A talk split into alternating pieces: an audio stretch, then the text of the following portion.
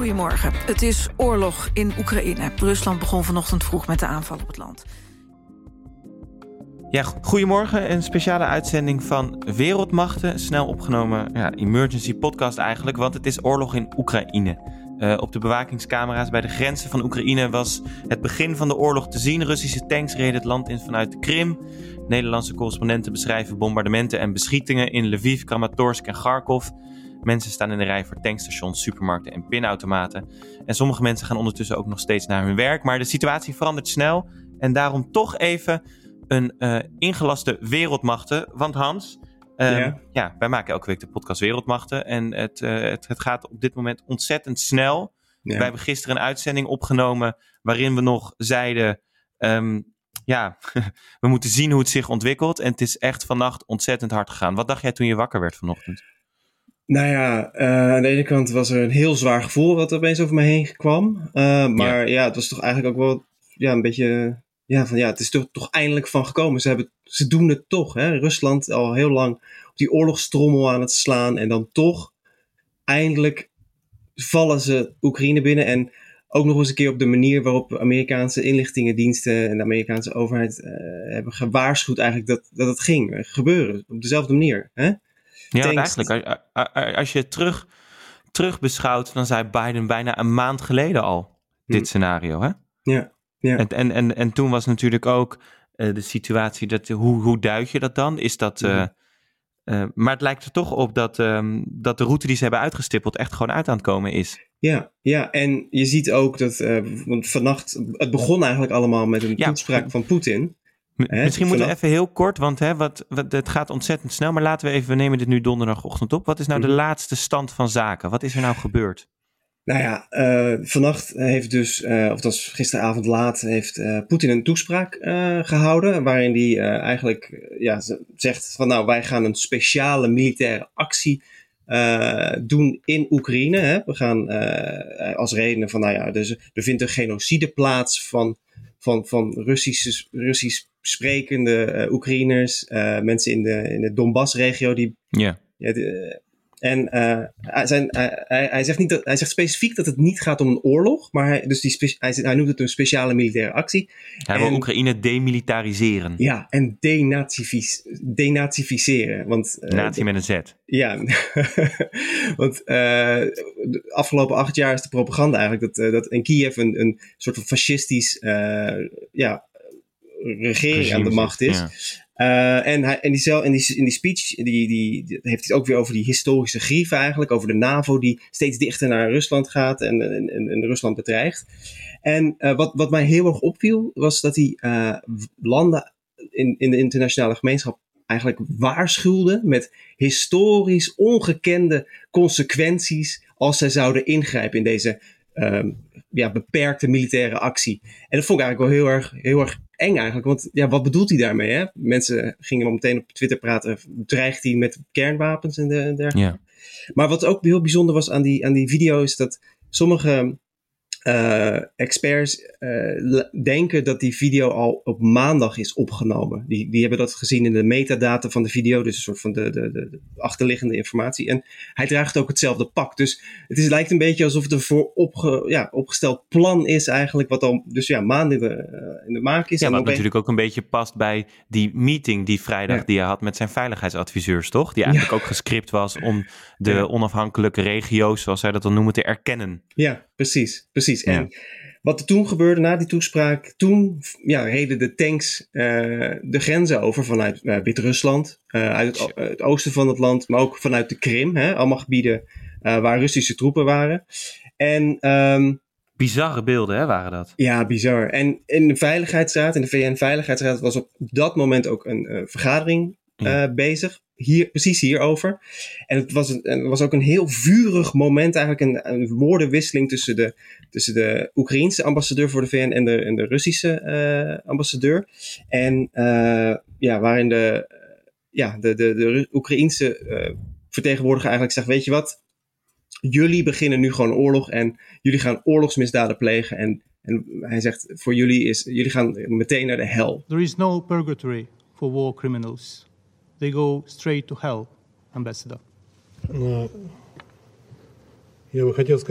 wanted to say in conclusion that we aren't being aggressive against the Ukrainian people, but against the junta that is in power in Kiev. There are no more speakers on the list. This meeting is adjourned. En dat was best, best heftige woorden voor, voor de VN-veiligheidsraad. Een bureaucratie hmm. Eh, waar, waar mensen alleen maar diplomatiek met elkaar omgaan.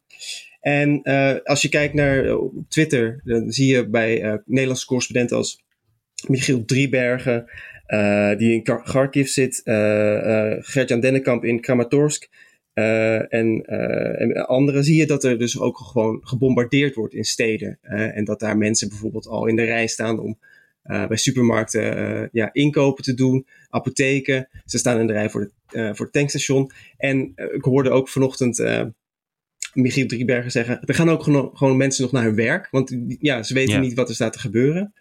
Eh, maar het is best heftig allemaal. Want ja, dit is toch waar, waar mensen in dat land al jaren bang voor zijn. En dat gebeurt nu. Ja, en het is natuurlijk ook zo dat op dit moment ehm, de snelheid toch ook wel, hè, als je dan de experts leest, lijkt toch wel te overvallen. Want eh, Kiev ligt natuurlijk niet helemaal in het oosten van Oekraïne. Hè? Nee. Ehm, dus, dat, dus dat is eh, meteen een landbreed en ook eh, vanuit verschillende kanten.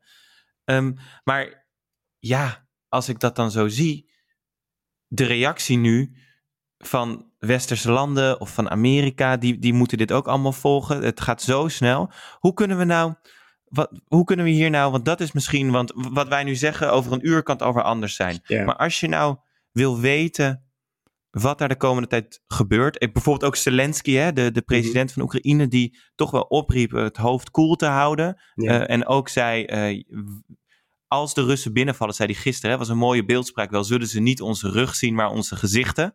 ja, Ehm, En iedereen wordt ook wel opgeroepen om in paraatheid te zijn, om zich aan te sluiten. ja, Dus ja, eh, één ding wat we sowieso kunnen noemen, hoe je het ook wil noemen, het is nu gewoon een oorlogssituatie daar. ja. En, en, en alle eh, propaganda eromheen, rond demilitarificatie of wat dan ook. ja. Tot uw dienst, er wordt gebombardeerd. Er Ja. zijn mensen nu aan het vluchten, er zijn mensen die niet weten wat ze moeten doen. ja. Maar hoe kunnen we daar, hoe, hoe, hoe, hoe, jij bent heel lang correspondent geweest. Hoe kun je nou op dit moment, als je het wil volgen, er gebeurt zoveel, je moet het duiden, je moet misschien sowieso niet te veel op Twitter kijken, maar als je dat dan toch doet, wie moeten we volgen de komende dagen? Nou, ik, noem, ik noem er al een paar. eh ja, de correspondenten. Ja, van de heb- NOS. Ja, eh, ik, heb, eh, ik heb er net een tweetje uitgedaan op ons Twitter-account, het Wereldmachten. En daar heb ik even een rijtje eh, gezet van mensen die we moeten, moeten volgen. Eh, Eva Cuquier volgens mij, eh, die, die zit in, in Kiev. Eh, Jeroen Akkermans in Lviv.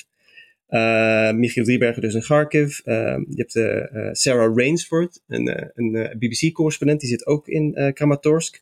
En die, die zou je eigenlijk in de gaten moeten houden, want die, die, die, die, ja, die zeggen gewoon hoe het is, feitelijk op de grond. Ehm, en je, je zei het al, er zijn snelle ontwikkelingen. Dit is ook een propagandaoorlog. Er wordt al jaren door Rusland een propagandaoorlog gevoerd met Oekraïne. Ehm, dus ja, wees voorzichtig met delen van, van beelden en, en het geloven van beelden die je ziet voorbij komen op Twitter.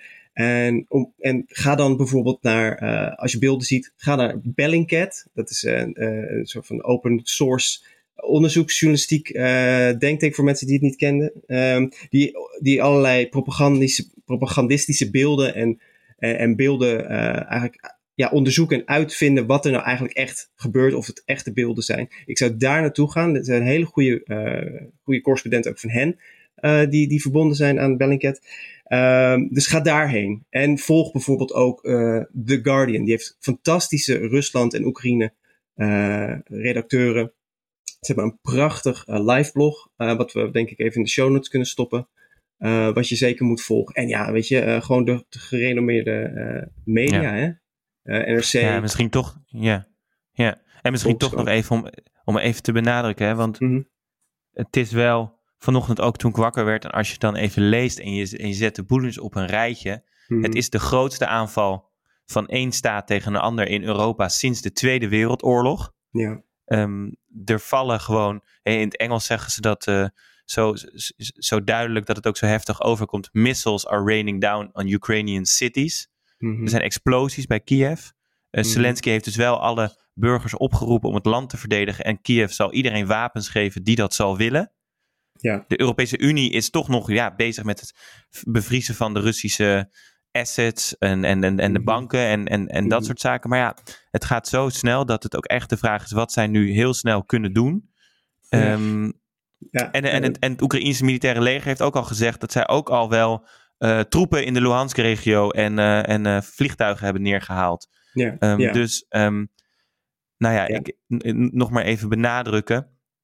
We hebben natuurlijk veel conflicten de afgelopen jaren gehad die ver van onze bed voelden. En dat is ook niet terecht, hè? Want, we, want dat is natuurlijk wat wij dan zo Ja. vanuit ons Nederland zien. En ondertussen gebeuren daar ontzettend heftige dingen. Maar dit is, dit is een. Marten Kruijf, die generaal die, die, die dinsdag bij opeens zat, die zei: Ik had nooit verwacht dit nog mee te maken. Ja, in ons eigenlijk. leven, En- ja, want wij dachten dat Rusland eh, na, de, na de val van de Koude Oorlog.